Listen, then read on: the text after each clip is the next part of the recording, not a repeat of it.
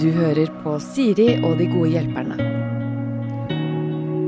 Helgens gode hjelpere er Iselin Guttormsen og Viktor Sotberg, som uh, har blitt uh, nokså gode venner i denne sesongen av 71 grader nord, men uh, vanligvis så jobber dere jo ikke sammen. Uh, Viktor, YouTuber i NRK.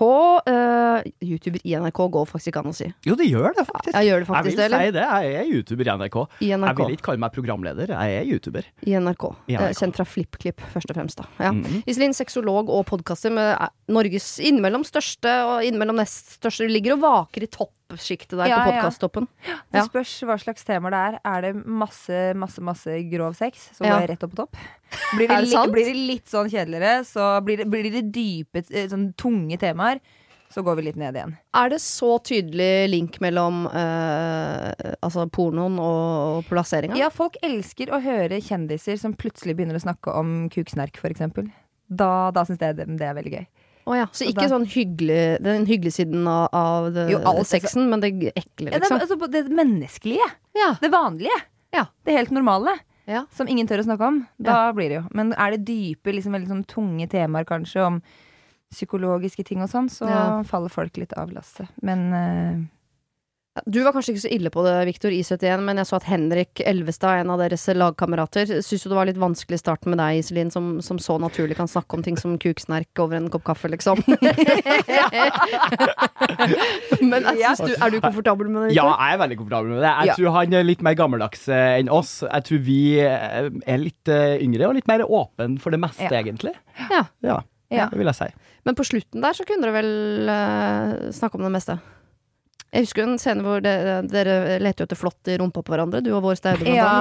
ja altså, jeg, ble, jeg ble veldig overrasket over Henrik Elvestads reaksjon da, faktisk. Når jeg så det på TV i etterkant, hvor han liksom sto sånn, jeg vet ikke om det er klippet til eller hva det var for noe, men han ble jo litt sånn varmere i trøya etter hvert. Men han Ja, han ble liksom alltid overraska.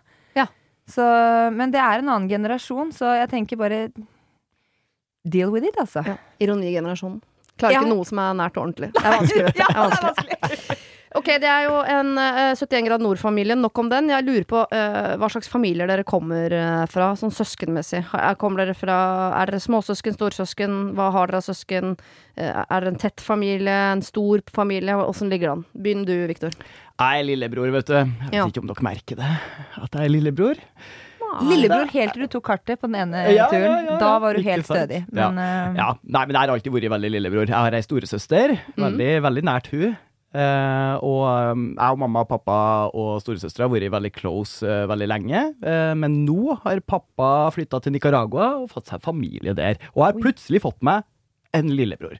En nicaraguansk lillebror. Ja, ja, ja. Så nå har du storebror òg? Nå er storebror òg plutselig. Plutselig er dritten i midten. men gratulerer! Jo, jo, takk. Ja, Det- Så stas. ja, det, plutselig har jeg vært forstørra familie. Ja, Jøss, Da er det vanskelig å være så tett. Altså, man kan jo ha tette bånd sånn emosjonelt, men den avstanden er jo til å ta og føle på. Veldig vanskelig, det, faktisk. Men vi prøver FaceTime. Ja. Ja, Det er koselig, da. Ja. Og så er det med deg, Iselin. Altså, vi er en one big happy family. Vi er fem barn. Oi! Eh, ja, Sammen Ja. mamma og pappa. Eh, mamma fra er de bare veldig glad i hverandre, eller er dere medlem av en sekt? Eller Det sånn, skulle nesten tro det. Altså, mamma er tysk. Det sier kanskje ja, noe, ikke sant? Det er liksom, så hun kommer jo fra storbyen Berlin. Ja. Eh, enebarn, vel å merke. ja. Og kommer til eh, Norge. Eller møter jo pappa i Berlin. Og så har vi spurt hvorfor flytter du fra urbane Berlin, altså fete Berlin med mangfold, og så, bare, og så blir du med hjem til Svelvik. ja, det er litt Ikke rart, faktisk. Hvorfor det? Og så ser mamma på oss. Nei, pappa ville bare pule, så da Så da fikk vi det. Så det var veldig sånn Å, selvfølgelig, dere ville stifte familie. Ja. Og så har fatter'n vært veldig tydelig på at jeg skal ha mange barn. Ja. Og mamma litt panikk. Enebarn i Berlin, ikke sant. Men så ble det det, da. Så, og vi har vel Vi er tre jenter i midten, Mm. og så har vi storebror og lillebror på hver ende. Så vi tre jentene er ganske tette, da. Ja. Mm. Forklar, altså, med en gang du fortalte at du var tysk mor, så falt alle brikkene på plass. Ja, men ikke sant? faktisk. Da skjønner du alt med åpenhet med kropp og sex Ja, og hele ja, ja. den biten der. Det går liksom Ja, vi, vi snakka mye om det under spagettien og Og til dere fra Svelvik som hører på, så må jeg bare si at jeg hadde også valgt Svelvik foran for Berlin. Har ikke noe godt inntrykk av Berlin. Det er ikke byen for meg, altså. Jeg hadde tatt Svelvik anytime, faktisk. Jeg får bare satse på at ingen fra eh, Berlin hører på. Nei. Ja. Vi skal nemlig inn i et problem som handler litt om familie. Men det Ja. handler jo stort sett om eh, at man irriterer hverandre. Altså, det kunne Mm. vært eh, vennskap, dette her også. Her står det. Hei. Jeg har to familiemedlemmer som står meg nær, og som jeg er veldig glad i. Vi tre har et par jentekvelder sammen i løpet av året, der vi spiser middag og skravler om livet. Dessverre er de mer opptatt av å snakke om seg selv og sitt og de greiene der, enn å lytte til hva jeg har å si. Det er ikke ofte jeg kommer til ordet, og når jeg først øh, får det, så bruker de første anledning de får til å føre samtalen over på seg igjen. De er også slik overfor hverandre, og de kan sitte og snakke lenge sammen uten at de egentlig svarer på hva den andre sier. Pulsen min øker når jeg først får snakke, fordi jeg føler at nå må jeg passe på å få sagt mest mulig på kortest mulig tid. På den annen side så er jeg også opptatt av å være der for dem og bruke mye tid på å snakke med dem om deres problemer, også utenom disse jentekveldene. Men det er slitsomt, og jeg føler meg verken sett eller hørt. Når vi skiller lag, forteller de alltid om hvor godt disse jentekveldene gjør for kropp og sjel, at de får masse energi av det. Forrige gang vi hadde jentekveld, så måtte jeg til slutt legge meg tidlig, fordi jeg bare satt i sofakroken og hørte på at de snakket forbi hverandre. Og nå har det gått så langt at jeg ikke gleder meg like mye til jentekvelder lenger. De er begge to nærtagende overfor kritikk, og jeg tror derfor de ville blitt både øh, sure og hatt lite forståelse dersom jeg tar det opp. Og dessuten er jeg veldig konfliktsky så jeg er redd for å såre de når jeg bryr meg så mye om de. Men hva skal jeg gjøre da? På forhånd takk for hjelpen!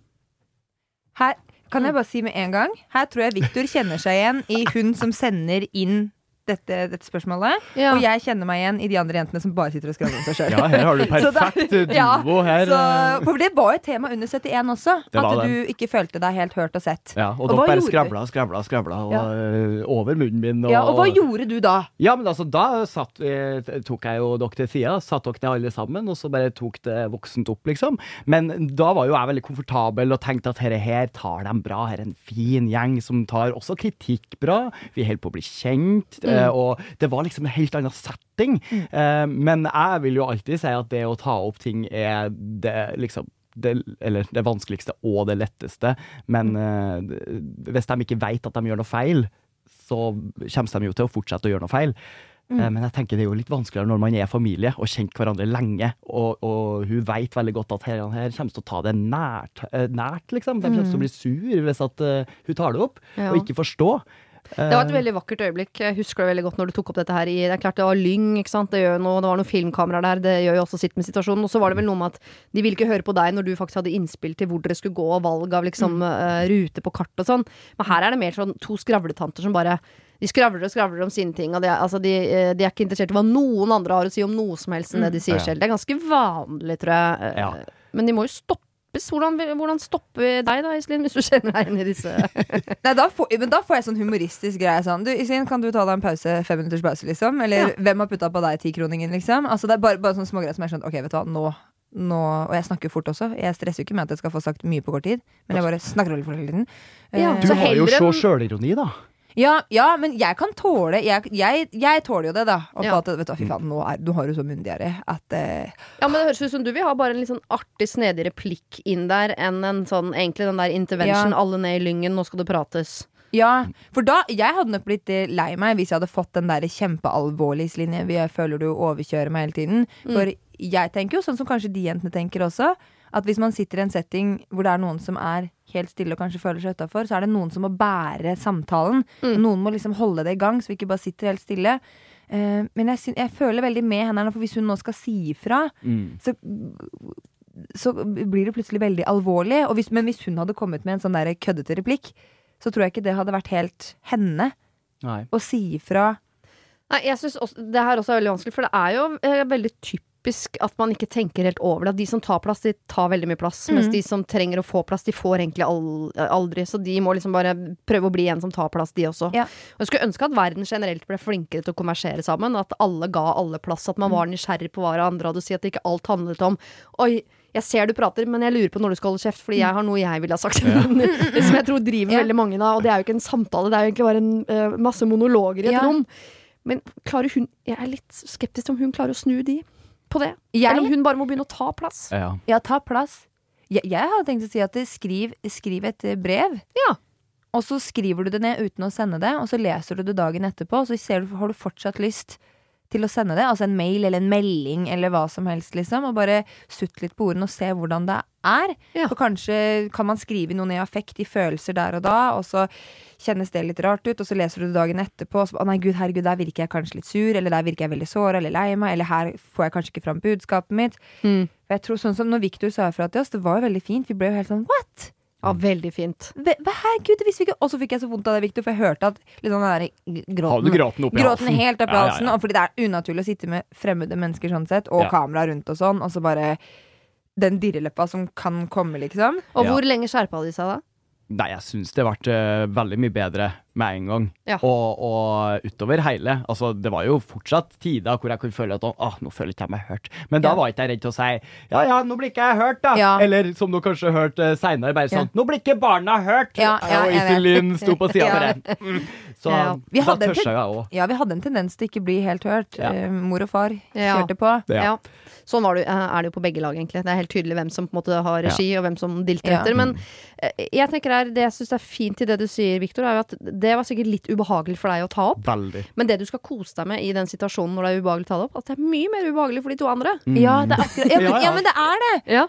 Så da kan man jo uh, gå inn i det med det. ikke? Ok, dette blir litt vanskelig. Du, man kan godt gjøre det humoristisk. Uh, komme med en liten replikk eller et eller annet. Kanskje man kan sende en møteagenda på forhånd og si sånn I dag skal vi snakke om disse temaene. Ha, Ja. Så kan man komme tilbake til den i løpet av kvelden sånn. Ja, så var det meg, da. Punkt tre. Ja, og taletid. Replikk, replikk, taletid. Gjør, kødd litt ut av det. Ja, og tenk på at hvis det er ubehagelig for deg, så er det helt sikkert ubehagelig for de to andre. Kose seg litt med det. Ja. Ja, For da skjerper man seg ofte. Ja. Man gjør det. Og Ja. som oftest så vil man jo eh, gjøre det bedre. Og så Ja. det, det er vedder på at de to vil garantert ta det til seg og tenke sånn herregud, så klart skal du òg få lov til å, å, å snakke, og så Ja. klart skal vi lytte til deg, vi også. Ja. Men det er så mange ute som bare er litt blind på den fronten. Ja, og Ja. så tenker jeg det kan også være lurt til de av lytterne som hører på nå, som eventuelt kommer til å få en sånn tale mot seg, eller en Ja, melding, ja. at det, det første merker jeg først også når jeg får sånne type meldinger, at man blir litt sånn derre Nei, nå må du kutte ut, da.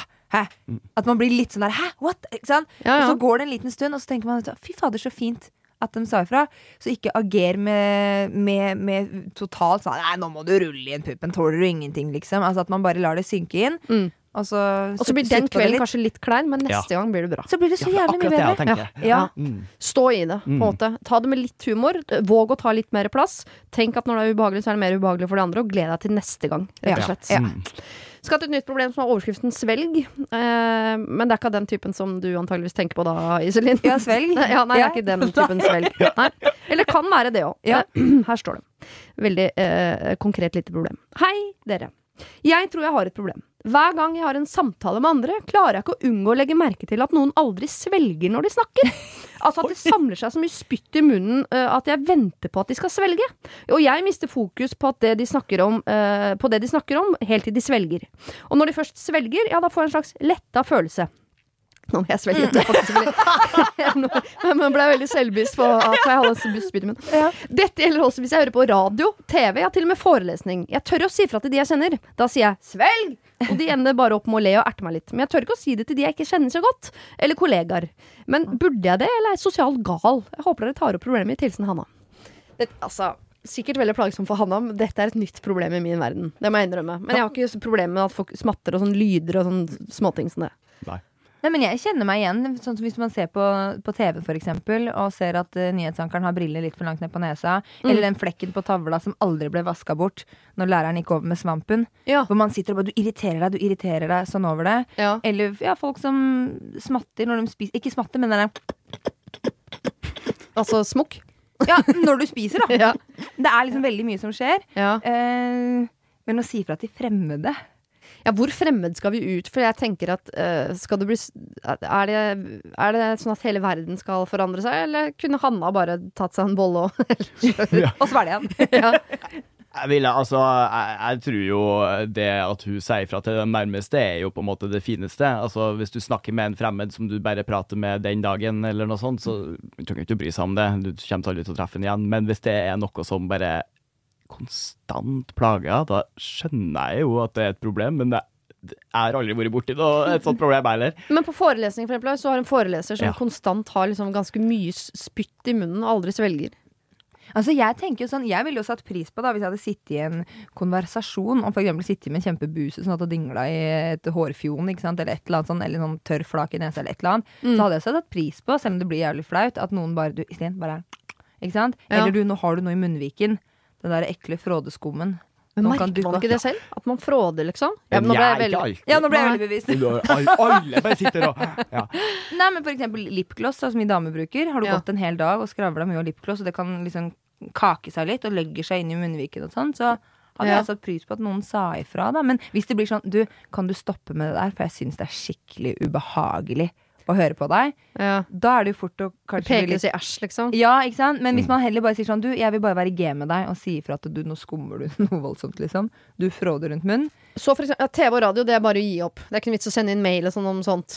Det, det, ja. Men foreleser, kan man da sende en liksom anonym liten mail om at du har en tendens til å ha mye spytt i munnen når du prater? Eller? Jo. Altså hvis det plager deg såpass mye. Ja. Ja, ok, da har vi løst opp i det. Men de der som man da treffer, mens man bare treffer der og da, mener du, Victor, at nei, da skal du ikke si fra. Nei, jeg Ja, det jeg altså Nei, det ville ikke jeg ha gjort, ass. Ja, Det, det- blir rart. Hadde jeg fått den, så hadde jeg blitt sånn OK. Ja, jeg, ikke, jeg hadde virkelig ikke brydd meg, da. Så Nei. jeg tror heller ikke kanskje komplette fremmede kommer til å bry seg eh, om det. Og jeg er jo helt enig at folk skal si ifra. Har du noe mellom tennene og alle sånne ting. Det er kjempehyggelig å si ifra om. Men det her er litt annerledes. Ja. Det, Ja. det å ha spytt i nå, Jeg òg blir veldig Du er Svelge nå. Jeg tenker Ja, ja, ja. veldig på det.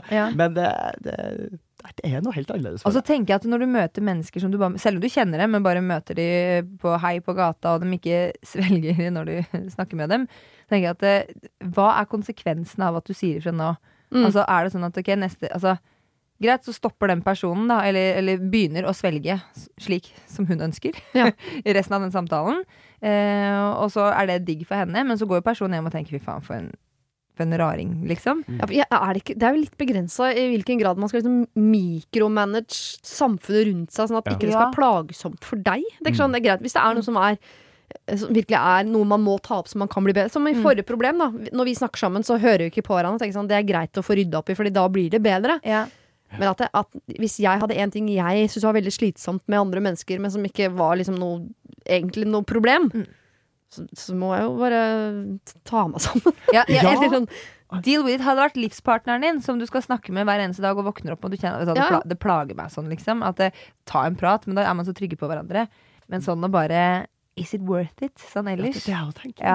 Ja. Jeg bare, ja, da tror jeg heller jeg ville ha prøvd å jobbe litt med det sjøl. Hvorfor jeg syns jeg spytter så ekkelt? Hvorfor fokuserer jeg på akkurat det? Ja. Kanskje jeg går til noen som hypnotiserer, og prøver, prøver å få Ja. det hypnotisert? bort? Ja, ja. Jeg får fokuset bort. For det er klart at hvis, du tenker på, hvis jeg sitter bare og tenker på om hvor mye spytt du har i munnen når du snakker, Ja. Victor, så er det klart det blir antageligvis mer enn det det er. Eller, altså, jeg, Mm. Da lager jeg jo et problem. Ikke sant? Prøv heller å fokusere på øynene til den du snakker med. Ja. Bare ikke Ja. gå ned på munnen. Bare se på øynene til folk, liksom. Se, Eller gå forbi og re- vakre øyne. Ned på puppene. Ja, eller ned på puppene. ja. Ja. Ja. For det er mye man kan irritere seg med øynene. Ikke sant? Ja. Øyevipper som har klumpa seg, litt øyebæsj, hva som helst. Ikke sant? Herregud, da blir, blir Rett ned på puppene. Der er det, det, er, det minst irriterende på en kvinnekropp er puppene, faktisk.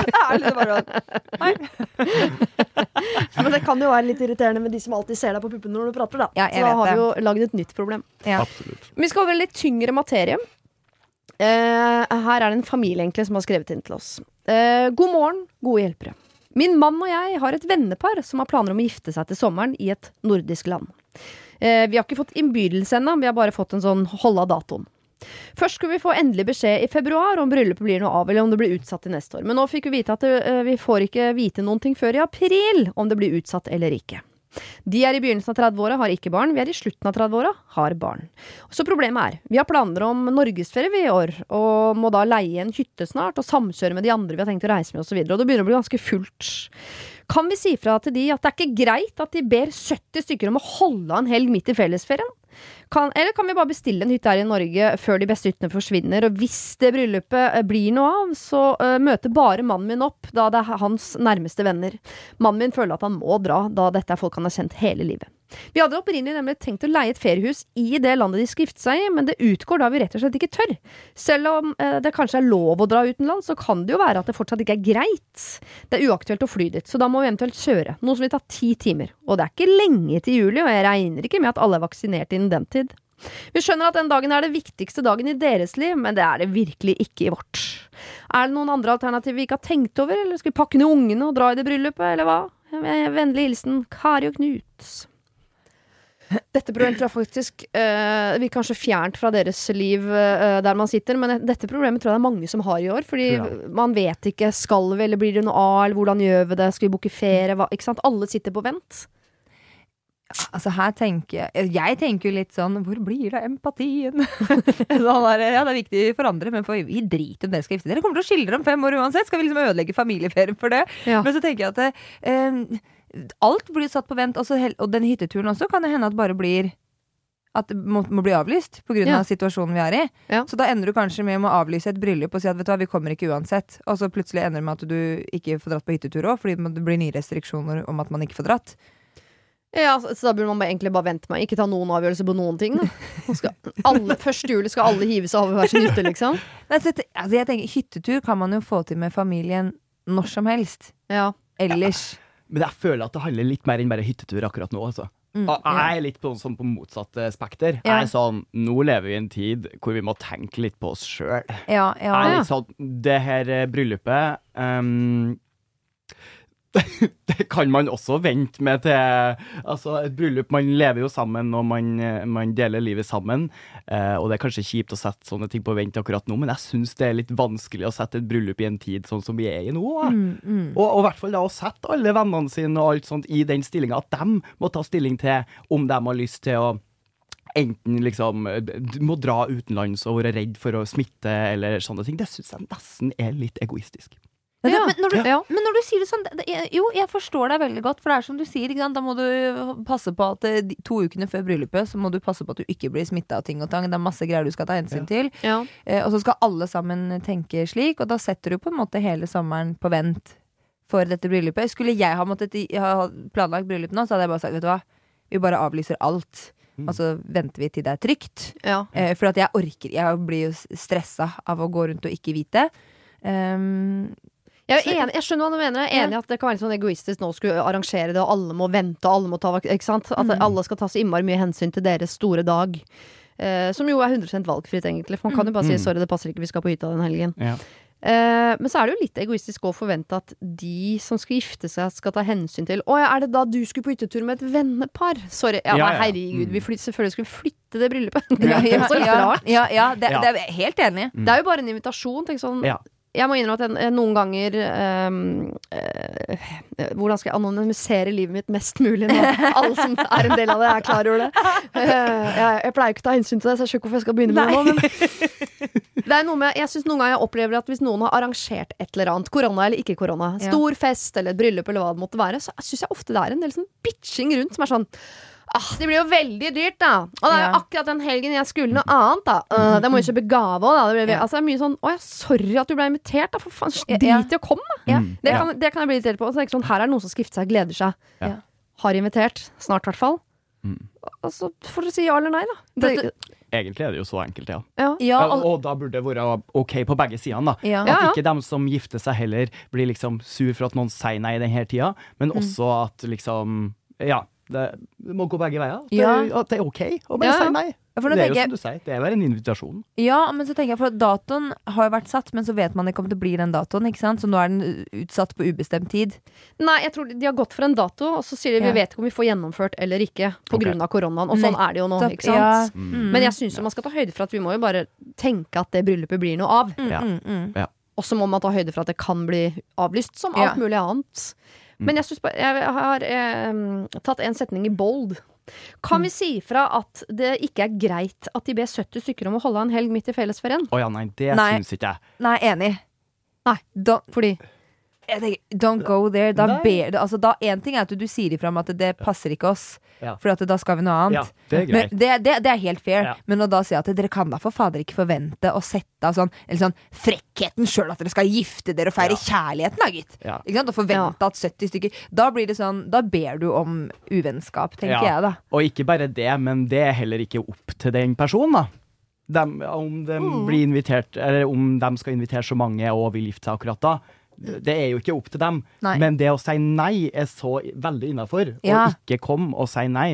Um, um, så lenge de ikke forventer at alle skal komme. Ja. Men, men de kan absolutt Jeg føler ikke at man kan sende sånn Nei, dere får ikke lov til Ja. å invitere 70 stykk midt i fellesferie nå. Det kan dere ikke. Ja. For det er jo i hvert fall ikke opp til Nei, dem det virker veldig rart. Men jeg, jeg, jeg tror bare her Bukk nå den hytta. Ja. Og så er den hytta booka. Hvis det er sånn at både hyttetur og bryllup blir noe av, så får man jo ta det litt sånn uh, på kortere sikt sånn OK, hva gjør vi?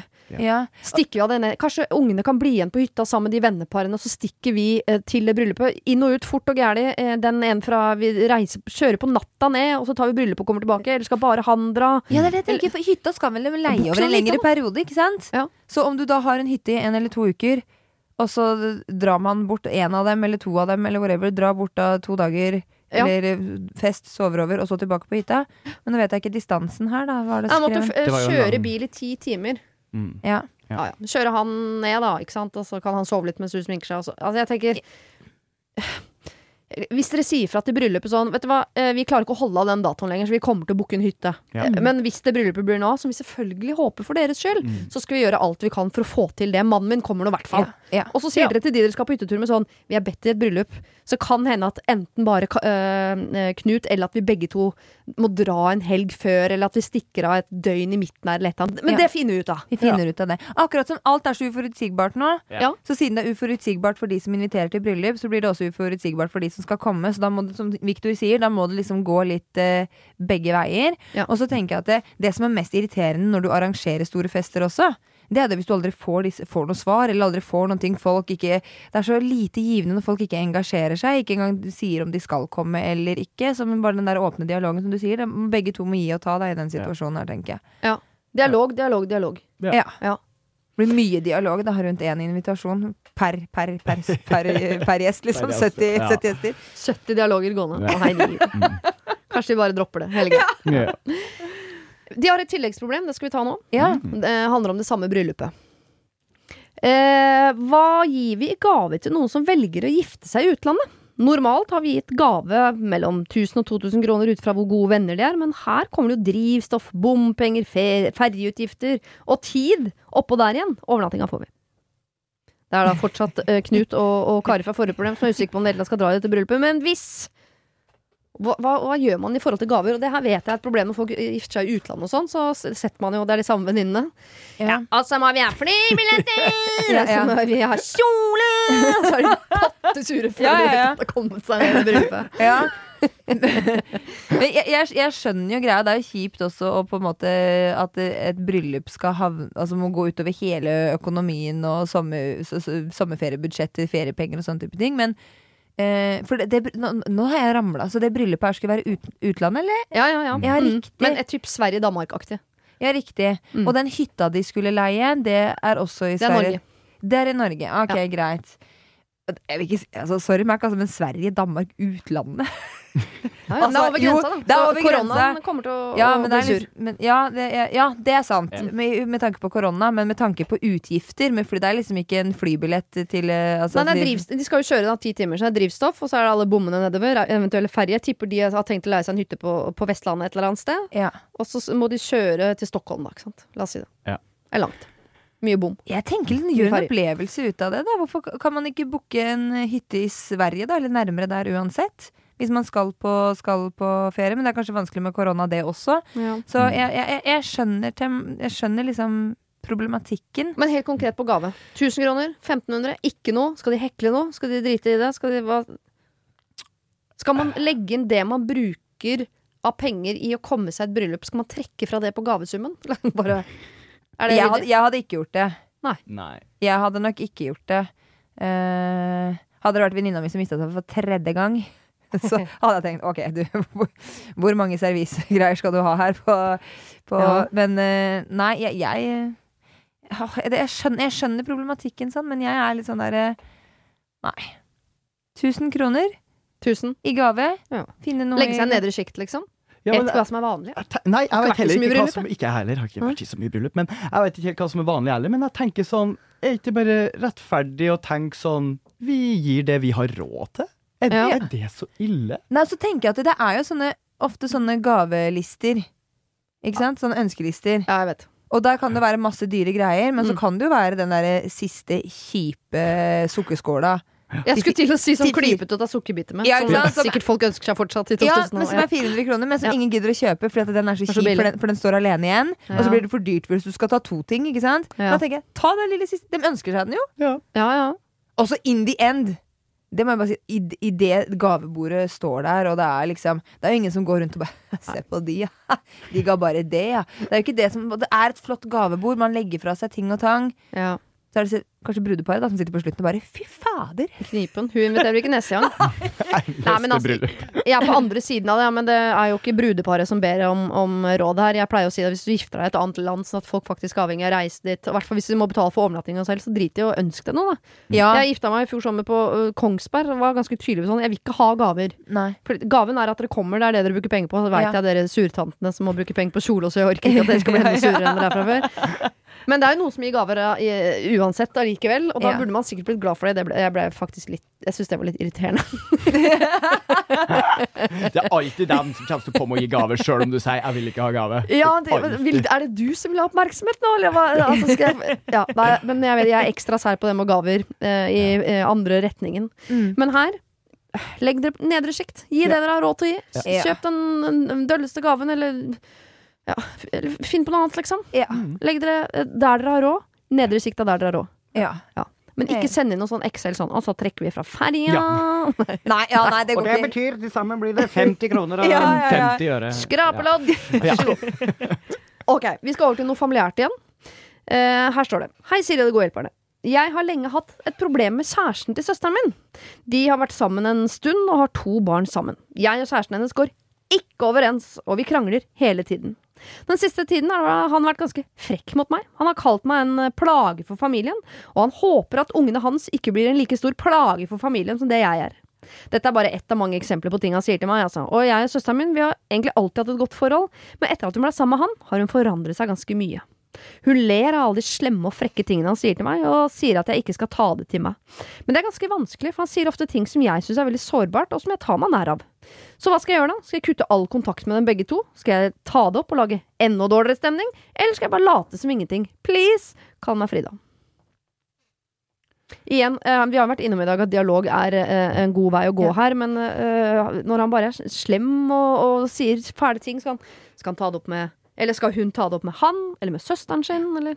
Jeg vet hva jeg skal si, men jeg tenkte jeg skravler så mye. Så da skal... Nei, jeg, så er liker at du skravler deg, Siljen. Det går fint. Det er ikke Victor å tenke, ikke sant? Ja, ja, ja. Ja, hva tenker du, Victor? Nei, altså, jeg tenker jo Hvis at det allerede er så dårlig stemning som det der, Ja. Da er bare å kaste seg uti det. Ja, da har du å tape, liksom? Ja, da har du tatt. Altså, hvis det er så dårlig stemning, det der høres jo bare helt jævlig ut. Altså, Ja. Jeg hadde syntes det vært så kjipt. Hadde jeg krangla med typen til søstera mi så mye, og dem har til og med barn og alt, da har ikke jeg kunnet gått en annen vei enn å liksom gått rett bort til liksom, søstera mi og bare nå, nå må han skjerpe seg, eller vært så voksen at jeg har gått bort til han og bare sånn OK, nå må vi ta oss sammen. Uh, skal vi prøve å finne en common ground? Og så lurer jeg jo på hva er det de krangler om? Det blir jo jeg litt nysgjerrig på. Ja. Ja. Altså, jeg, og jeg forstår at det er vanskelig, fordi at uh, søsteren hennes blir jo mellomledet her mellom Ja. barken og veden. ikke sant? Går rundt til søsteren sin, så kommer søsteren til å bare prøve å kanskje roe det litt ned. Uh, og når man er i situasjoner, det har jeg selv opplevd, enten om det er med venninner eller i lignende situasjoner som det her. Eh, jeg er, sånn, jeg er så drittlei av at folk skal oppføre seg som rasshøl, og, så- og så får du ikke passet ditt påskrevet. Altså bare, altså sånn, Det er ikke rart at de bare fortsetter, fordi de, eh, og så ler kanskje folk litt fordi man bare ja, da, blir litt usikker. Og så tenker han for faen, her er jeg kul og grei. Hvis det er ingen som sier ifra, hva faen er det du driver med? Men jeg tenker at det beste da er å, å si ifra når det skjer. ja. I situasjonen, I ja. situasjonen. Ja. Så sitter man, si, ja, sitter man rundt familiemiddagen, eller i, hvis han der er over en telefon, eller bare en greie hvor man er samla og griller, altså gud vet hva det er. Så, Hva mener du egentlig med det du sier nå?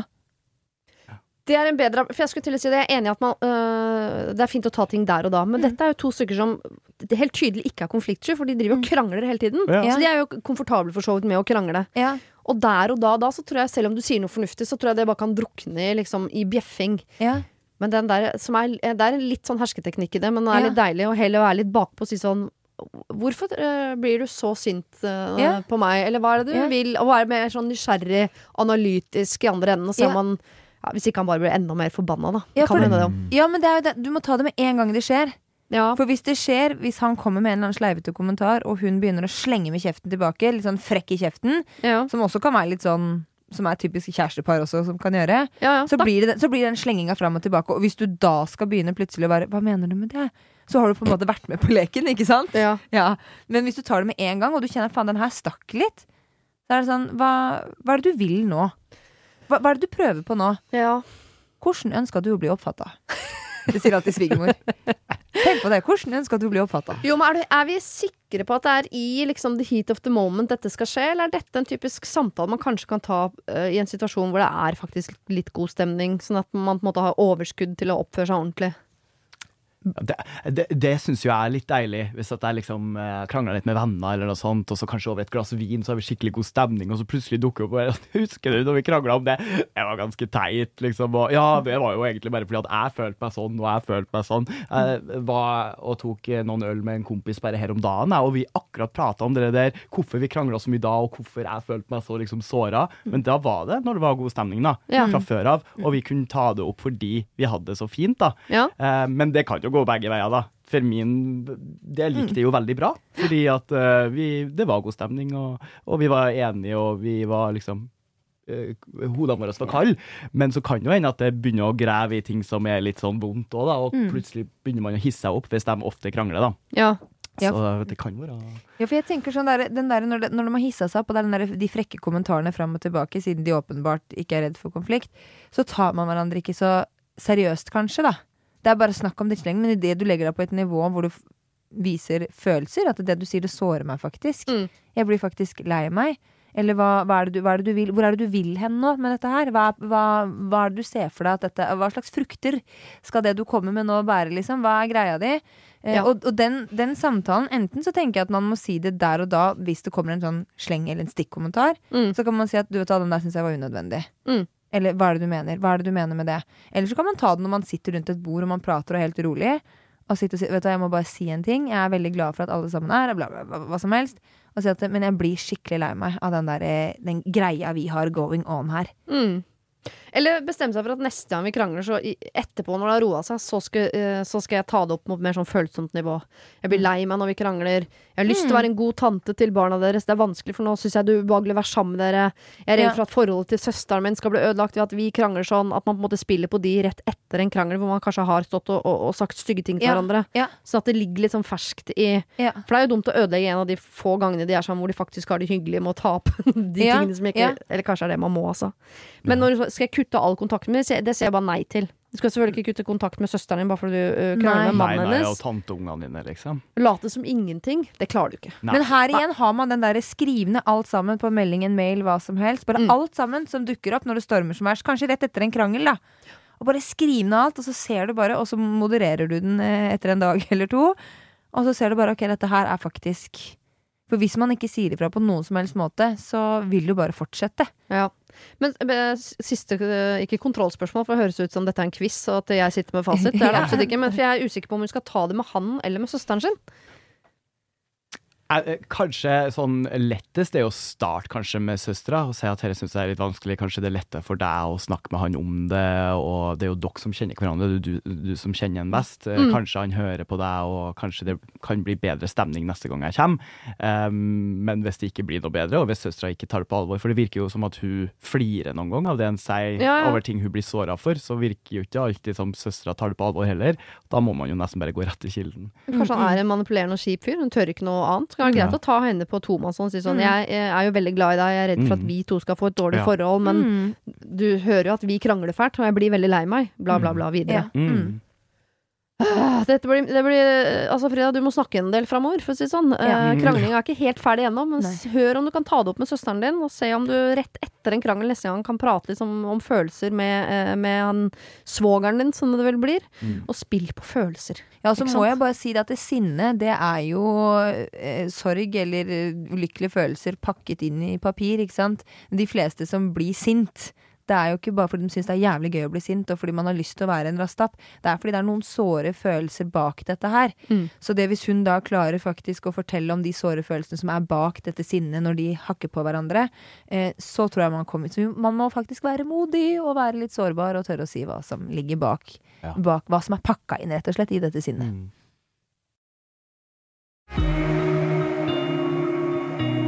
Har du problemer selv, send dem inn til siri at radionorge.no. Helgens gode hjelpere er Iselin Guttormsen og Viktor Sotberg, og jeg tenkte å høre med dere eh, hva slags type menn dere faller for.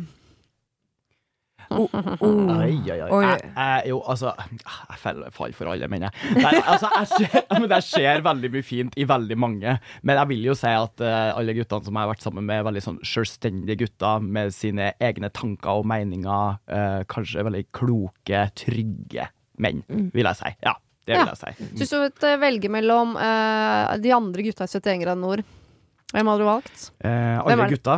Ja, da er det jo eh, Henrik Elvestad, Å, og så har vi A. Steffen. Steffen. Steffen Iversen. Ja, Lett. akkurat det jeg tenkte å si. Ja, Ja. ja. Steffen Iversen hadde vært lett. Eneste gutten for meg i 71 ja men han er så, han er så god i hjertet. Han er så god i hjertet også. Det er liksom han er veldig fin. God, Steffen er fin. trygg og fin og omtenksom. Ja. Eh, det må Ja. jeg lete etter i en mann. Ja, han er Ja. veldig fin. Hva med deg, Iselin?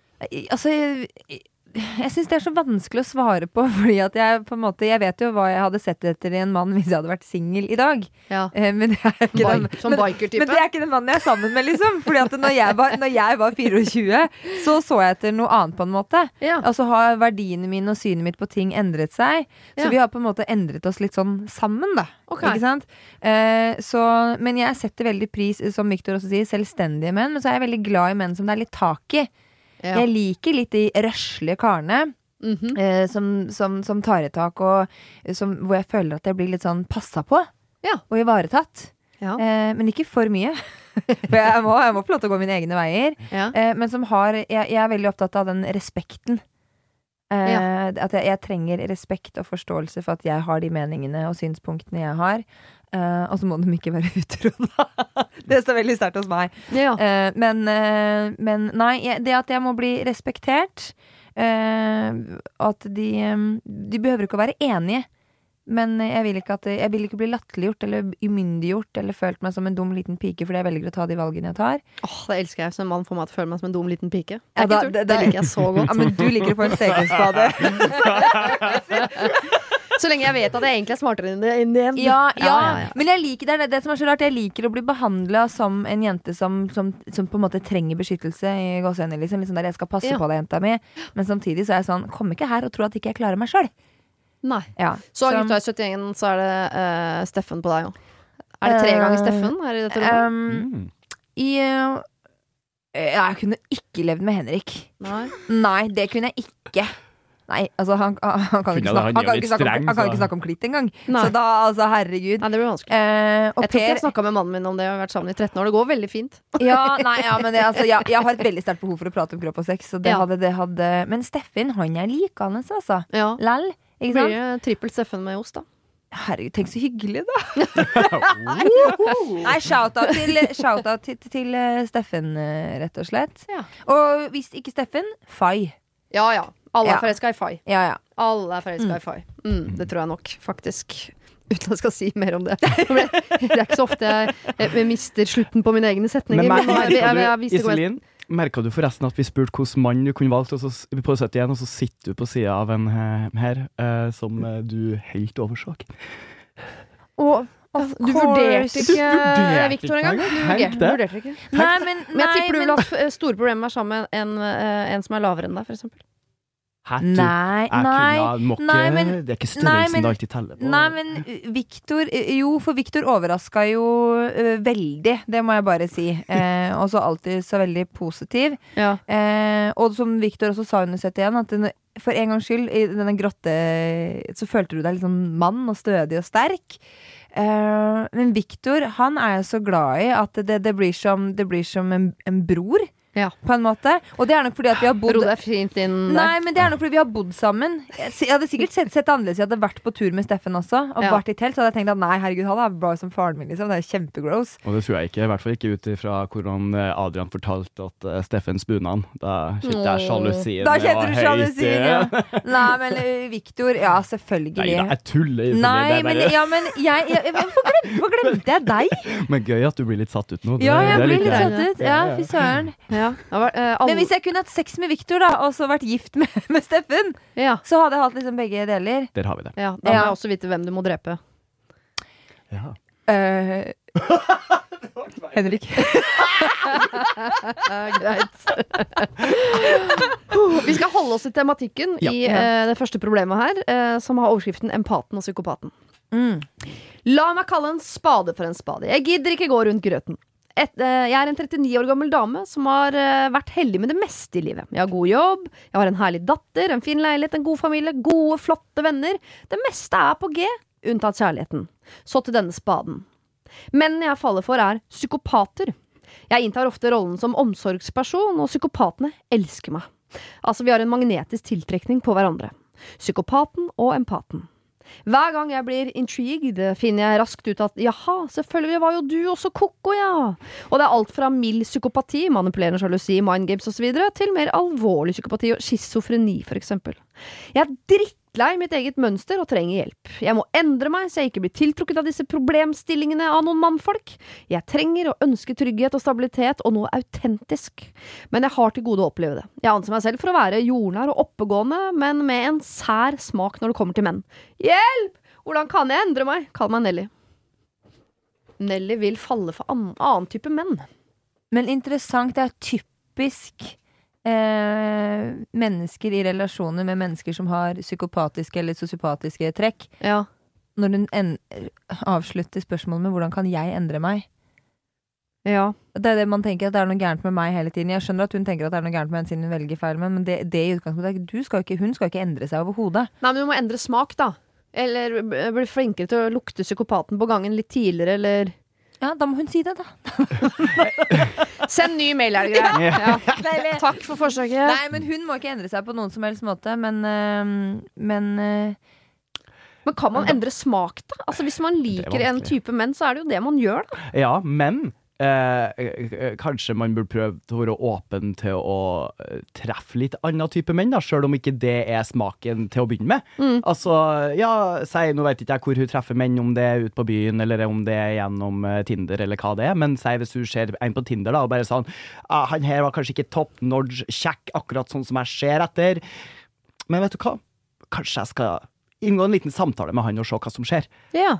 Og fordi at det er veldig mange som eh, kanskje ikke virker så liksom, sånn digg og kjekk i starten, men så blir du kjent med dem, og så er det bare det flotteste mennesket som finnes, og så bare blir du så forelska. Så jeg tror kanskje Kanskje du må bare bli åpen for å ha kontakt med flere menn som ikke er vanligvis det man ser etter, da. Ja, Hun må begynne å date menn hun i utgangspunktet ikke liker. Kanskje, Mhm. Når man går motsatt. Ja. Hvis man tenker, for jeg tipper at hvis Nelly går på date med en, en sånn fyr som hun mener at hun trenger, da, en stabil og autentisk type, så kommer hun til å synes at han er skikkelig snorkete. Herregud, en kjedelig type og sånn. Ja. Ja, da må du gå på fire dater til med han. Ja, ja, Og så må du lære deg å bli glad i det ved han, at han er sånn. For det er det jeg sier ikke at man må være kjedelig bare fordi man er trygg og stabil, men hun vil nok oppleve det som litt kjedelig, for det er ikke noe Det er ikke den der friksjonen hun er vant til med Mm. alle disse spennende psykopatene som hun vanligvis ruller rundt med. Ja. Og så er det jo, jeg tenker sånn Det er jo fort gjort at man ofte havner i at den datingfasen når du møter mennesker med psykopatiske trekk, at det, at det går veldig fort over og blir en mer alvorlig relasjon. De flytter rett inn, ja. Ja, ikke sant? Mm. Det er liksom, de vet, og de, og de, de, de lukter Altså sånn, disse empatiske menneskene som på en måte er lettofre. Mm. Det finner de ut veldig fort. Og det finner de også fort fordi de spør så mye. Og så virker, tenker man selv at å, fy søren, jøss, han stilte meg så mange spørsmål. Han var Mm. så interessert. Mens eh, den andre mennesket på andre bordet bare check, check, check. Han bare noterer seg alt bak øret for hvor lett dette mennesket her er å manipulere. Mm. Eh, så jeg tenker at den kanskje skal bli litt sånn amerikansk i datingtankegangen sin. Sånn We've been dating for seven years. altså, at du ikke At man bruker lang tid på et menneske. Før man blir exclusive. Ja, Ja. Før man blir eksklusiv. Og da Du kan godt møte en mann du tenker du faller for, som du tenker er dritkjekk og spennende, og gud, han er ikke så lett, og når jeg sender melding, så svarer han ikke, og da vil man i hvert fall ha sånn, er litt Mm. mystisk og sånn. Men det betyr jo ikke at du ikke kan møte disse andre menneskene som Victor prater om, da. Som kanskje ikke er så spennende, men som du tenker faen, kanskje jeg får en sinnssykt god connection. Ja. At man blir forelska på et annet plan. Så date, altså dere sier både date fler, date mer og date lenger. Og date annerledes folk. Mm. Og date samtidig. Mange forskjellige typer. Ja, hvis hun, hvis hun er, hvis hun er veldig Høres tungt. sliten, jeg blir sliten bare på Ja, eller det totalt motsatte. Bare legg mannfolk litt på hylla. Ja. Og så blir du bare Bli sammen med far. Ja, bli sammen med far. Ja. Vær så snill. Det er alle Vær svar så på alt. snill. Ja, bli sammen med far. Det er svaret på alt. Nei, men legg bare menn på hylla, og bare konsentrer deg om deg selv. Ja. Hva, altså, jobb med deg selv og din relasjon til deg selv. Både psykologisk og fysisk. Eh, men det er jo fort gjort å jage etter denne relasjonen med et annet menneske. Jeg tror det mønsteret er vanskelig å bryte. Ass. Man Ja. har falt for en type Jeg er så glad for at jeg faller for sånne menn som jeg faller for. Som er da, sånne som hun leter etter. Falt Ja. for bestandig hele livet mitt. Hvis Ja. jeg plutselig nå fikk beskjed om at jeg måtte falle for en sånn bad boy, det hadde jeg slitt med. Sliter med, Ja, ja. det har vært vanskelig. Mm. Men det er jo ikke et problem. Men det er et problem for Nelly. Så Nelly, du må eh, date mer, date flere, date lenger, date annerledes. Og ikke gå, og ja, og ikke gå, men ikke gå så dypt inn i relasjonen med en gang. Nei, det første du må gjøre, er faktisk å gå og be om å få avspasere fra jobb, for dette her eh, kommer til å ta tid. Ta masse, masse tid. Nå jeg, det kan jo hende at det er bare meg, men jeg er jo så Altså, jeg elsker jo mennesker. Så Ja. jeg elsker jo liksom det å kan treffe nye folk, og noen som jeg absolutt ikke kunne ha sett for meg at jeg jeg hadde liksom falt for. Eh, tenk så gøy det er å falle for dem, da. Altså, nå syns jeg det er veldig spennende. Kanskje bare, bare virkelig åpne opp mulighetene. Ja. Prøve ut alt! Åh, jeg skulle gjerne visst alder på, eh, på Nelly, faktisk. Hun har jo en datter og noe greier, som er sikkert liksom Ja mm, eh, slutten av 20-åra i hvert fall. Men Mm. allikevel, altså. Du må utvide horisonten din eh, litt. Eller legge det helt på hylla en periode, bli mer glad i deg sjøl. Mm. Eh, og så utvide horisontene. Se til en annen type menn. Og hvis de er kjedelige, date de litt mer. Mm. Ja. Hvorfor dropper flere gutter enn jenter ut av skolen? Hvorfor begås 70% av alle selvmord av gutter og menn?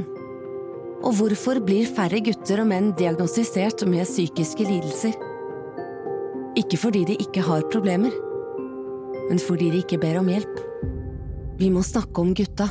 Dere, eh, vi har et samarbeid med Mental Helse Ungdom, så vi skal eh, Eller jeg har allerede tatt en telefon til eh, Oskar for å, å høre om han har noen problemer til oss fra gutta. Hei, Oskar. Hva har du til meg i dag? Hei, Siri. Skal vi se. I dag så har jeg fått inn et spørsmål fra en fyr, og han skriver Hjelp! Mamma maser så sjukt mye på meg.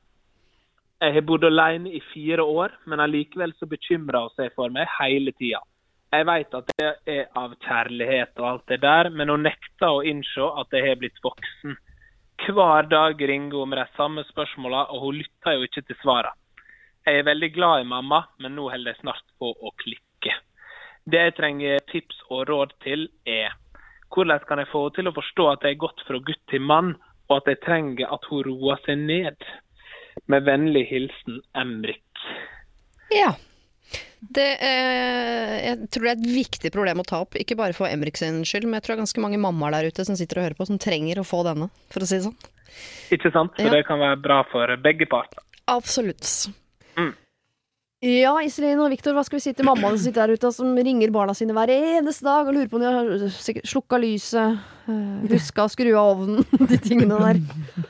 Er er, det, er det en sånn greie med mødre for, for, søn, for sønner? Ja, kanskje. Ja. Jeg, for dette problemet har jeg aldri vært borti sånn på, på privaten. Nei, ikke heller, men jeg merker at veldig mange av de guttene jeg har vært sammen med, har hatt mødre som veldig lille, mammas lille guttebass. Ikke Ja. sant? Som jeg bare kjenner det er et eller annet med mors kjærlighet til, til sønner, altså. Ja. Jeg er mammas guttebass. Jeg ringer mamma hver dag og spør om du har slukka lyset før Det du legger deg. Nei, det gjør hun ikke. Eh, Det er jeg som ringer hun faktisk nå. Eh, Mm. Men, eh, men det Jeg tror nok eh, Mamma har vært veldig overbeskyttsom overfor meg opp gjennom tida. Ja. Eh, Og jeg tror nok bare det har gått eh, Jeg er nok en av de heldige der det har gått litt sånn naturlig over til at hun skjønner at nå er jeg en voksen mann liksom som tar vare på seg sjøl, og så snakkes vi når vi snakkes, og hun stoler på meg til å vite hva jeg gjør, da, og leve livet mitt. Men kan du huske den overgangen fra når hun ikke var helt sikker på om det kom til å gå bra, til at hun på en måte roa seg ned og innså at du var en mann? Var det noe du gjorde, liksom? Eller? Jeg tror det var for, for min del var det kanskje folkehøyskolen. da. Det var Ja. en sånn fin overgang for oss begge. Både for at jeg skulle vokse opp, og for at hun skulle på en måte venne seg til at nå holder jeg på å bli en mann. Men jeg tror ikke jeg gjorde noe spesielt eh, sånn fysisk sånn sett. Kanskje hun bare merka det. Eh, men jeg kan kjenne meg igjen at jeg bare sa at nå blir jeg litt, eh, nå blir jeg litt sliten, for nå, nå maser mamma veldig mye. Nå bryr hun seg litt for mye om meg. Ja. Um, Det er rart at det skal gå an, men det gjør jo det, da. ja, det gjør Ja. jo det. Um, fordi man vil jo, som, uh, som han her, da, vil jo være sin egen person og sin egen mann. Ja. Men jeg, jeg bare, nå vet jeg hvordan Emrik, som han heter, veldig fint navn for øvrig, er på det. Men jeg tipper at når mamma da ringer fordi han syns det er irriterende at mamma ringer hele tiden, så er han litt sånn kort eh, svarer ikke så mye og Mm. deler ikke så mye og sånn. Og da blir jo mamma stressa i andre enden. Hun tenker sånn Å, han er- virker så kort, og det, Mm. jeg føler at det er noe som plager han, ikke sant. Og så vil hun nærmere og nærmere, og han vil lenger og lenger unna. Og så blir det en, nesten som en slags sånn usynlig slåsskamp mellom de to. Kanskje han skulle bare liksom gripe det an og ligge litt i forkant? Ringe henne først en dag? Ja. Bjuda på noen greier? Invitere henne inn i følelseslivet sitt, gi masse info, og håpe at hun liksom da i større grad slår seg til ro, da. Nei, det Ja. høres ut som han Emrik har det fint, han. Ja, eller så bare, ja, og, da, og du, kan, du kan dra det enda lengre, da, som jeg hadde gjort. Sånn, hvis jeg da hadde tatt, eh, ringt først til mamma, Ja. så hadde jeg tatt sånne ting som hun definitivt ikke vil vite. Sånn at Ja. hun blir litt prega av det sjøl. Sånn derre Hei, mutter'n, god dag. Drikke tre kopper kaffe. Eh, Avføringa har en fast, fin form. Bla, bla, bla. bla, bla. Måtte ut og kjøpe ny dopapir. Eh, Strømregninga der og der. Altså Sånn at hun bare får sånn derre Ok, greit, nå skjønner jeg Tom for kondomer. ja, ja, Altså, men det, det, Hvis hun hadde ringt en gang, og han bare er helt kort, så bare mutter'n, jeg driver og trer på et kondom her, vet du, sikkerhet først, vet du. Ikke sant? Så Ja. ring, ringer deg etterpå, jeg. ja, FaceTime etterpå. Ja, legger på, ikke sant? Så hun får helt sånn kærasjokk og bare ok, nå avbrøt jeg han midt i en akt, liksom. Ja. Så det hadde jeg gjort, da. For jeg har jo ikke hatt foreldre som har uh, For jeg har jo sagt 'jeg klarer selv' Ja. hele tiden. Så selv, mamma. Ja, ikke stress. Så, så jeg, jeg tror kanskje jeg hadde uh, tatt den tilbake fremfor å i hvert fall bli irritert. For jeg merker jo selv også, når svigermor ringer Ja. min kjæreste, og han blir helt sånn kort Ja, ja. Hun bor da altså tre minutter unna oss. Så det er liksom eh, Hun kan stå med kikkerten og rope over, eh, og han blir kort. Og så merker jeg at jeg blir sånn Herregud, det er jo bare moren din, da. Det er så usexy når du blir sånn trass 13-åring, liksom. Som bare «Åh, Mamma maser. Bare være en stødig mann og liksom bare Bare gi henne det hun trenger, så kanskje hun slutter å mase, ikke sant. Men Ja. eh, nå vet ikke jeg hvor gammel Emrik er, men hvis det er i den der overgang fra ungdom til voksen, flytta ut, eh, forlatt rede, Mm. så vil jeg Da vil jeg Da ville jeg vært litt snerten, altså. Så enten dra på folkehøyskole er et konkret tips her. eh, Men det mener jeg det er i livet generelt til de fleste mennesker. En Ja. av de, eh, altså Jeg angrer på veldig mye her i livet. Blant annet at jeg ikke dro på folkehøyskole. Ja. Eh, ring mammaen din først.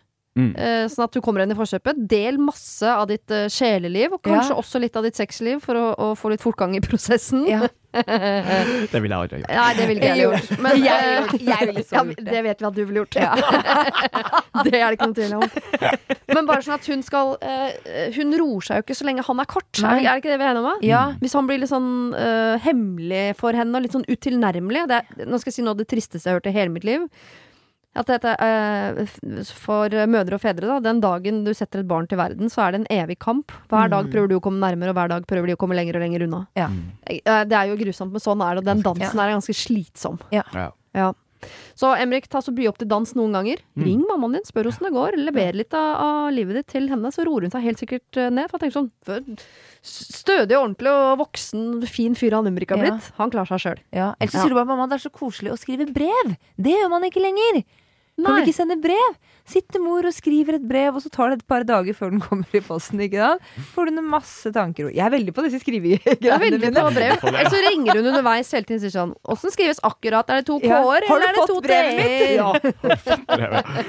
Åssen var den Åg og Å-regelen igjen? Ok, vi skal over til en konspirasjonsteoretiker. Oi.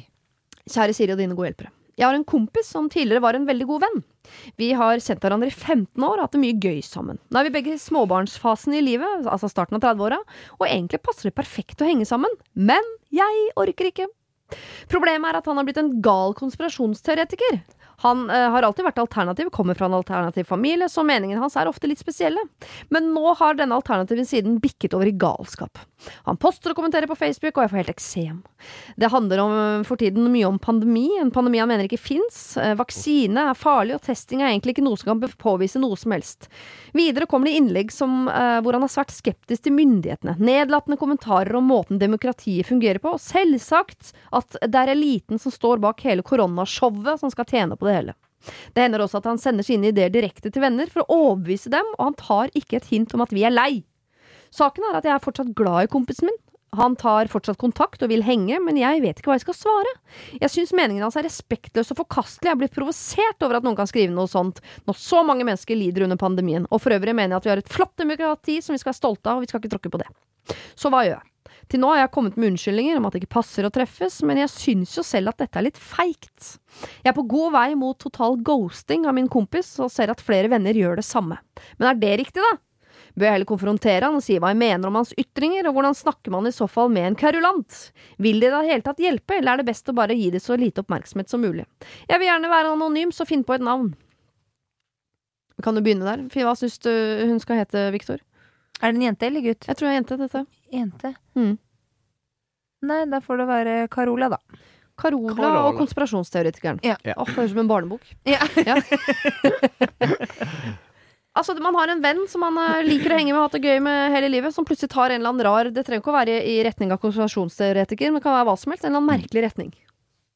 Det virker som at han er ganske bastant på disse meningene. Det er ikke bare noe han har slengt ut sånn inni at han har, han har virkelig han, Å, her har det eskalert. eskalert Ja, ja, ja. veldig. Ja. Og jeg tenker at hvis du skal begynne å gå inn i en sånn seriøs samtale med han, forklare ikke sant, altså vaksinemotstand, hva det gjør, og så koronasituasjon, og så hele den biten der, Ja. så vil man, kan du fortsette i det uendelige. Ja, for det er vel bare mat på Det er bare mat, ja. Så jeg er litt sånn derre Ja ja, men da, da driter du i det, og så tar jeg og så gjør det jeg vil. Og så at, at man på, på en måte bagatelliserer de meningene han kommer litt grann med. Sånn at man legger på en måte Jeg hører hva du sier, men jeg er ikke Ja. interessert i å prate med deg om det. Ja, kanskje det er en vei å gå. Jeg er ikke interessert, jeg vil ikke høre om det. Mm. Blir det noe koselig? òg? Jeg, jeg er litt sånn Nå har jo jeg kanskje kommet til et sted i livet hvor jeg er veldig komfortabel, og jeg vet at jeg har de rette vennene i livet mitt, og sånne ting, men jeg Og kanskje også nok venner, hvem veit. Men jeg kjenner at hadde jeg hatt en sånn kompis, Mm. eh, så hadde jeg, tror jeg, med ikke dårlig samvittighet i det hele tatt, eh, latt eh, vennskapet gå sin gang. Skli sakte ut i sanden. Altså, Ja, typisk ghosting Altså, som hun ja. er i gang med. Da. Ja, men venner kommer og går, altså. Og kommer det noen inn i livet ditt som bare bringer negativitet og sprer hatefulle ytringer og, og falsk informasjon, eh, og ikke minst prøver å presse det på deg med å sende det direkte og bare 'hør nå her, det er sånn er det', nei, da hadde jeg, jeg hadde slått av med en gang, altså. Jeg blir sliten. Sånne folk Ja. suger energi og Ja. gir ingenting. Det er bare Det er trist å si, men jeg hadde, jeg hadde gitt det opp, jeg. Er jeg, ghosta. ja, jeg Mm. forstår det. Og, det. og det sier jo psykologer òg, at hvis du, hvis du vil bryte kontakt med eh, en venn, som også kan være på en måte sånn kjærlighetssorg, at du skal Mm. bryte, så, er, så sier de den lureste måten er på en måte å la det svinne hen. Altså du ghoster det litt sånn ut. Ikke sant? Det passer ikke. For det blir mye mindre dramatisk enn det der 'nå vil jeg ikke ha noe mer med deg å gjøre', for da blir det et brudd. Ja. Og det er veldig vondt. Samtidig så er jeg veldig for at ja, vi har jo forskjellige meninger.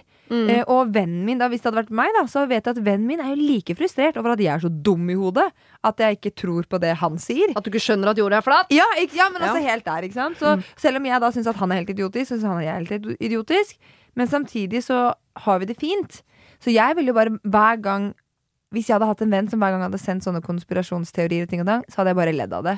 Ja. Altså bare altså latterfjes, latterfjes, latterfjes, emoji, latterfjes. Mm.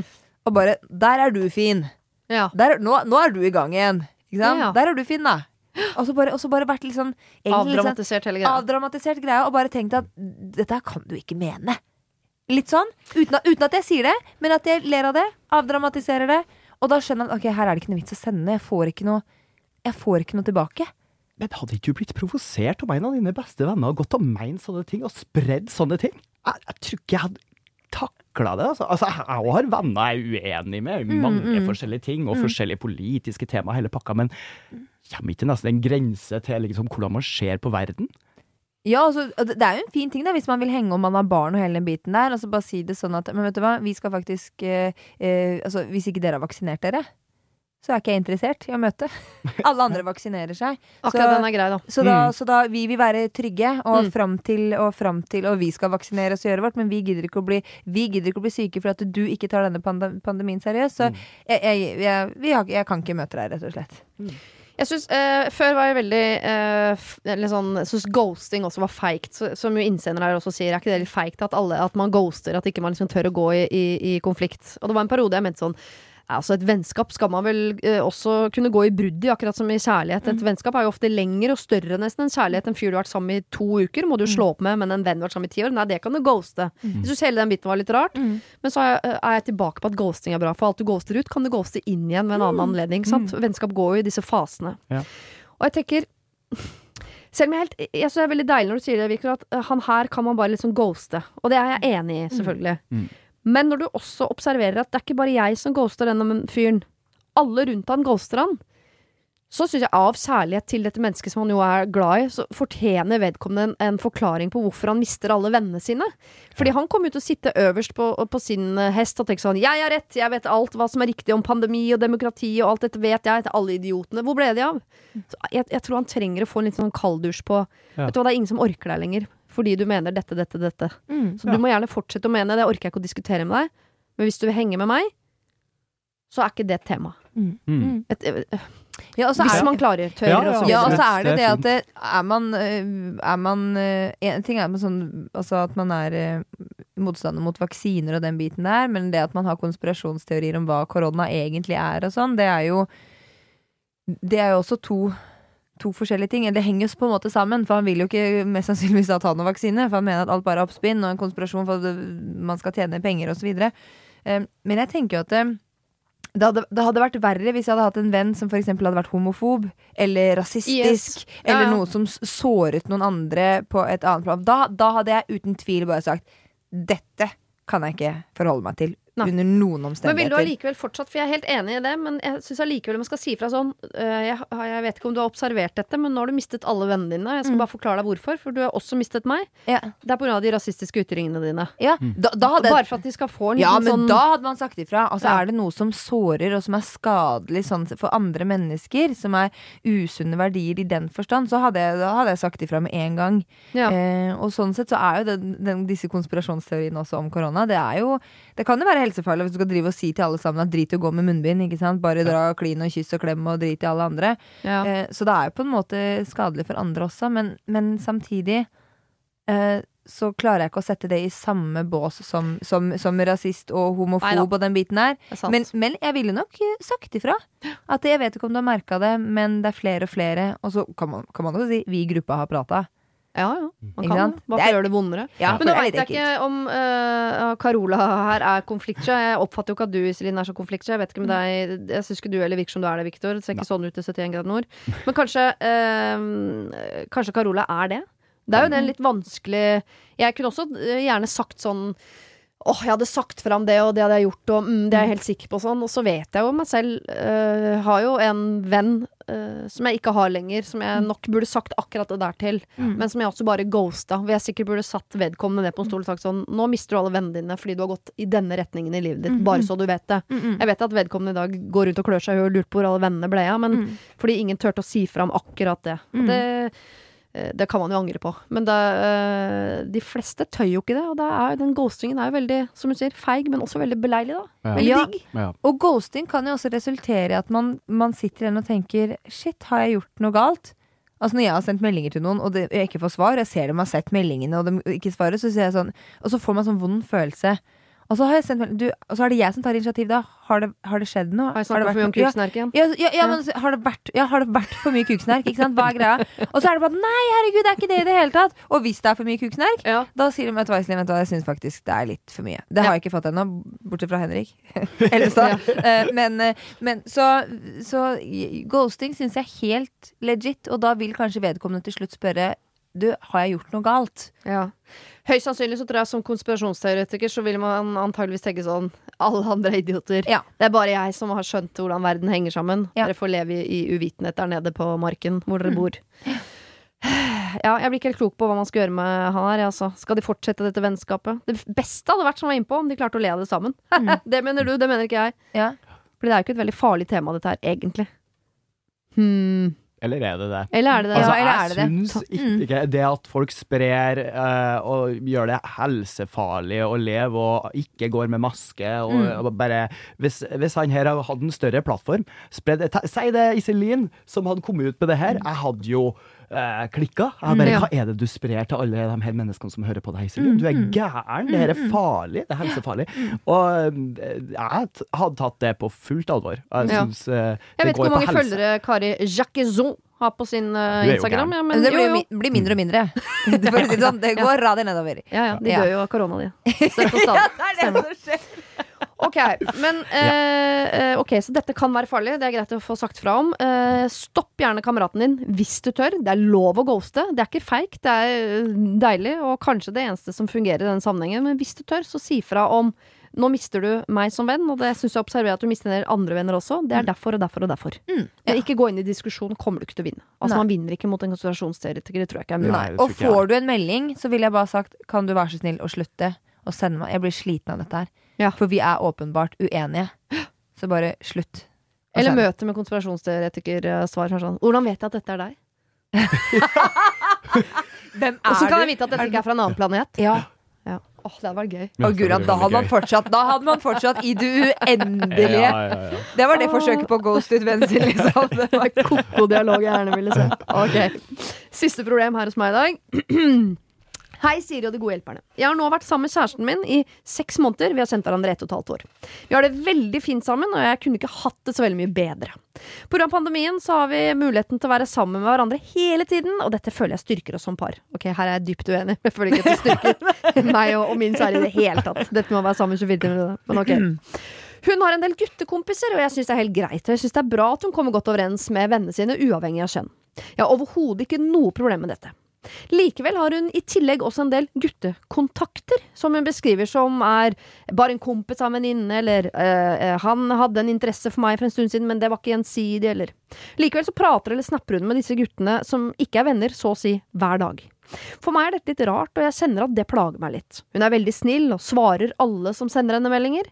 Hun er imøtekommende, og jeg får følelsen av at hun bare prater med dem fordi hun syns det er litt tungt å eventuelt kutte kontakten. Jeg ønsker liksom ikke å be henne kutte kontakten med noen, ja, men eh, jeg syns hun skal få lov til å ha kontakt med hvem hun vil. Men allikevel, det plager meg litt at hun prater med en del gutter hun ikke engang er venn med. Hun driver ikke med andre bak min rygg, det vet jeg. Det jeg tenker er at hun enten liker oppmerksomheten, eller så holder hun kontaktene åpne i tilfelle vi ikke skulle fungere. Kan jeg be henne å kutte kontakt? Er det noe jeg burde ta opp med henne? Hvordan? Er det jeg som overreagerer, som irriterer meg over noe så lite og ubetydelig? Tilliten og forholdet er jo superbra, og jeg ønsker ikke å fremstå som kontrollerende. Så hva gjør jeg? Hjelp! Med vennlig hilsen anonym, kall meg hva dere vil. Dette syns jeg er den mest sympatiske formen for sjalusi jeg noen gang har vært borti. Mm. Ryddig for, altså, Ryddig Ja, men dette er ryddige greier. Ja. For det der må jeg lov å kjenne på. Ja, he helt eh, helt holdent. Og så må jeg, jeg må bare rose han da for at han, at han tør å kjenne på de følelsene. At han tør å sende melding uh, og si det òg. For det Ja. er det veldig få som har lyst til. Nettopp fordi man er redd for å bli oppfatta som en ja, sykelig sjalue som skal kontrollere. ikke sant? Men dette er helt vanlige, normale følelser i en relasjon. Spesielt når man akkurat har møtt hverandre. Ja. Og man er usikker. For man er ikke trygg. Man, man kjenner på nyforelskelsen, men man kjenner hverandre ikke såpass godt. Eh, Og da er det ekstra vondt å skulle miste noen når man er helt sånn Altså, be- altså begjæret er så stort. Ja, ja. Så, Og det er ingen som ønsker å være sjalu, men alle kjenner vel på det eh, i større eller mindre grad ut ifra hvor man er i Mm. forhold, hvem man er sammen med, og den tryggheten er jo litt sånn Kommer og går litt, men han her virker så ryddig. Han vil jo at hun skal ha masse venner, skal ikke egentlig legge seg borti det, men så er det noe som ligger og gnager lite grann. Mm. Mm. Kan man ikke ta opp det, da? Jo. Helt konkret, ja. 100 Men kan han, eh, han spør vel ikke om han kan kreve det, men kan jeg be henne kutte ut kontakten med gutter som hun beskriver som Det er ikke venner av henne engang. eh, Altså, jeg er jo veldig der at hvis, du har, hvis det er noe i, i relasjonen din som gjør at du blir usikker, Ja. så må du i hvert fall begynne å snakke med partneren din om det. Ja. Eh, og man kan fint si det at jeg, For jeg, jeg skjønner jo greie, altså jeg skjønner henne også. At hvis Mm. du har en kar du har hatt en hyggelig tone med, så er det veldig dramatic. Ikke sant? Nå ble jeg helt igjen, Thomas. Dramatic. Ja, det er, det er noen hakk igjen, faktisk. Jeg skal si. Skal si bra? Det er veldig dramatisk, da. Og, og plutselig liksom bare sånn Hei, nå har jeg møtt en kar, vi har, liksom, vi har vært sammen i seks måneder. Bare Ikke sant? Ja. Noen kan bare være hyggelige kamerater, kanskje hun har vært på date med en osv. Men eh, her er det er det kjipe svaret, da. Altså kommunikasjon, dialog. ja, mellom Snakke- de, ja. Ja, Ja. snakke sammen. For hun, det er ikke sikkert hun tenker at hun vet hvordan han har det i det hele tatt. Men hvis han sier 'jeg liker ikke at du gjør det, du må slette de vennene', så kommer hun garantert til å si 'du skal ikke komme hit og bestemme en dritt'. over Nei, hvem jeg snakker med. Nå, uh, Victor, du var jo veldig for ghosting i forrige problem. Mm. Uh, man, her er vel ghosting på en måte en grei taktikk. Jeg, vet, jeg, altså, jeg er ikke på Snap, dessverre. Uh, for jeg er 150 år gammel. Nei, men jeg har ikke Snap, jeg heller. Men du tenker at hun da skal ghost dem? Ja. Ja, altså, men har hun lyst til det? For det er veldig dramatic hvis hun skal liksom Ja, kutt, kutte, ja. Ja. Men jeg tenker sånn, men har hun lyst til det? Jeg kan jo, altså, jeg kan jo nesten kjenne meg litt igjen i hun. Ja. Jeg syns det er hyggelig å ha kontakt med masse folk og snakke med masse folk, og om det er en liten snap her og der, så er jeg sånn ja ja, OK, eller kanskje ikke en god venn av meg, kanskje ikke jeg møtt denne personen så mye, men det er bare hyggelig, en, har en hyggelig tone. Ja. Eh, men jeg er jo ekstremt ekstrovert.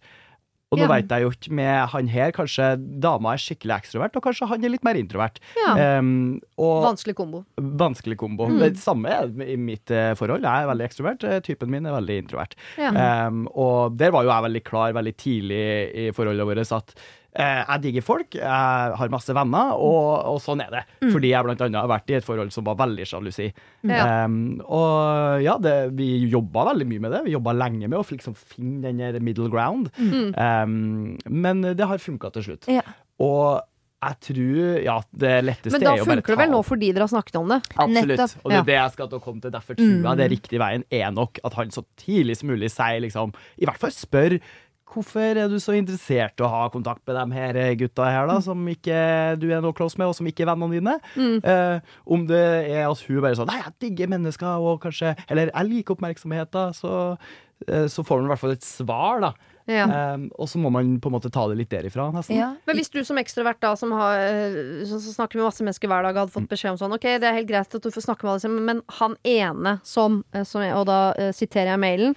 Ja. eh, Som uh, hadde en interesse for deg for en stund siden, men det var ikke gjensidig. Kan, kan du bare droppe å snappe med han? Hadde du vært villig til å kutte det, eller? Ja, Ja. så klart. Ja. Det kjenner jeg jo at så klart jeg har vært sånn ja, ja, hvis det virkelig plager deg, så skal jeg så klart gjøre det. Han, du betyr mye mer for Ja. meg enn han, liksom. Ja. Ja. For det da kan jo noen vært- bli prinsippfast i andre enden, ja. liksom. Ja. sånn, nei. Men altså begynner man sånn Jeg syns ikke du skal snakke med noen av dem. Så blir det liksom så, da, mange, da fanger det så masse. Og da er det sånn Hvorfor skal du si til meg hvem jeg og ikke skal ha kontakt med, og hvem jeg skal bli kjent med? Hva om jeg vil få nye venner? Hva om jeg vil bli kjent med mange? Du skal ikke holde meg tilbake på noen som helst måte. Nei. Så Men jeg har, jeg har en del. For det er, det, er en, det er for en grunn at det er kommet en uh, ny term når det kommer til Når man snakker om utroskap. Det er mikroutroskap. Jaha. Og det snakker man om det utro med folk med mikropenis? Nei, og, det, og den skal vi ikke gå inn på! For det orker ikke oppslag om at vi gjør narr av mennesker med mikropenis. Eller kjempeklitter, eller kall det hva du vil. Men em, eh, mikroutroskap, det Ja. handler jo nettopp om, om disse små grensene. Hvor går utroskap? Altså hvor går grensa mellom utroskap og det å bare ha en uh, dialog eller kontakt med et annet menneske? Ja. Altså hvis jeg nå, nå Samboeren min, Tom, han kjenner jo meg veldig godt. Og jeg er veldig ekstrovert. Så jeg også kan sende meldinger til gutter. Jeg kan sende meldinger til Victor og masse hjerter og greier og sussetruter og tutteruter. Ja. Og så er det noen andre som kunne sett den meldinga og tenkt Er ikke dette her litt eh, på kantene? Ikke Ja. Eller det kan til og med være en, eh, altså, en kar man har hatt en flørtende to, altså, whatever. Men så er det bare god stemning. Og det er regnbuer og enhjørningbæsj og glitter og hjerter og altså hele den biten der. Men for andre så kan det virke Det er veldig sånn intenst å sende til noen andre. Ja, flørtete, liksom. Veldig eller- flørtete. Ja. Mm. Eh, og mikroutroskap det handler om nettopp disse greiene her. At Når man sender meldinger, man snakker med folk, eh, kollegaer på jobben altså, Hvor går grensa? Ja. Og i og med at man har sosiale medier og digitale duppetingser som gjør det så veldig lett å kommunisere, Mm. så handler utroskap om så mye mer enn bare den fysiske kontakten. Ja. Og for mange så kan faktisk en, en flørtende melding med hjerter og blunkefjes og sånn virke veldig invaderende. Og litt sånn der Hvorfor har du en sånn dialog med dette mennesket som jeg ikke kjenner? Ja. Um, så derfor er det så viktig at man prater sammen. Mm. For hva slags oppfatning er det Hva slags oppfatning er det jeg har av den meldingen jeg sender til dette mennesket nå? Og hvordan ville eh, partneren min eh, Og hvordan, hva slags oppfatning har partneren min Ja. uh, av denne meldinga? Og da snakker man sammen, så finner man jo ganske fort ut at herregud, det er jo helt forskjellig. Og da, så man, man, må bli, man må bli kjent med hverandre. Og det han sier der, den, hun jenta, det er akkurat det samme når, på, når man snakker om dette med å trykke likes på folk på Instagram osv. Ikke sant? Altså, Veldig mange kvinner jeg prater med, sier de blir lei seg pga. kjæresten trykker mye likes på random jenter Ja. på Instagram. Gjerne i bikini. Ja, gjerne i bikini. Ja. Og hva er, det, hva er det du vil for noe? Hva er det du vil oppnå? Og det er litt den samme Og da spør jeg kan jeg kreve at han skal slutte å trykke likes, og da sier jeg ja, det kan Be du. det. Ja, du Ja. kan be om det. Du kan si at det gjør at jeg føler meg mindre verdt. Mm. Det gjør at jeg blir usikker på meg selv. Du kjenner ikke denne jenta engang. Eller spesielt hvis det er en jente man har hatt en flørt med, og så var det ikke noe greier. Så når han spør da at hun har, kan jeg be henne slutte å ha kontakt med en som har vært gira på henne før, så tenker Ja. jeg ja, det kan du faktisk gjøre. For du, man skal ikke gå på kompromiss med sine egne følelser hele tiden. Og det handler ikke om at man skal kontrollere et annet menneske og si du får ikke lov til ditt og for datt. Det handler om at jeg blir usikker på meg selv, og deg og meg i vår relasjon. Så hvis jeg hadde sagt fra til partneren min at jeg blir lei meg når du trykker liker på alle bikini babes som dukker opp og alltid skal kommentere med 'nice pic', er Ja. helt igjen Thomas igjen! Eh, altså fint bilde eller noe. Ja. Hva er det du ønsker å oppnå med denne? Ikke sant? Er det så viktig for deg å trykke liker på det bildet, eller svare på den Snapchaten av han som har vært gira på deg, eh, fremfor å lytte til følelsene til partneren din? Nei, det burde det ikke være. Nei. Der syns jeg på en måte svaret ligger. Jeg syns du kan si til kjæresten din, du som har såpass ryddig form for sjalusi, at eh, en enk noe av den kontakten du har med andre gutter, gutter du ikke engang er venn med, da føler jeg meg usikker i dette forholdet. Og så er dialogen i gang, og så må dere bli kjent med hverandre, hvor hverandres grenser går på nettopp disse tingene. Og kanskje det er sånn som Victor sier, at eh, hun er veldig ekstrovert og du er introvert, og da er det vanskelig for deg å skjønne at hun har de behovene osv. Og kanskje hun har det, og kanskje du skjønner det etter hvert, kanskje du godtar det etter hvert. Men dere må eh, altså få dialogen opp å stå. Ja. Mm. Det føler jeg er mantraet vårt her i dag, eh, folkens. Virkelig. Ja, prate oss. Ja. Det har vært veldig hyggelig å ha dere som gode hjelpere.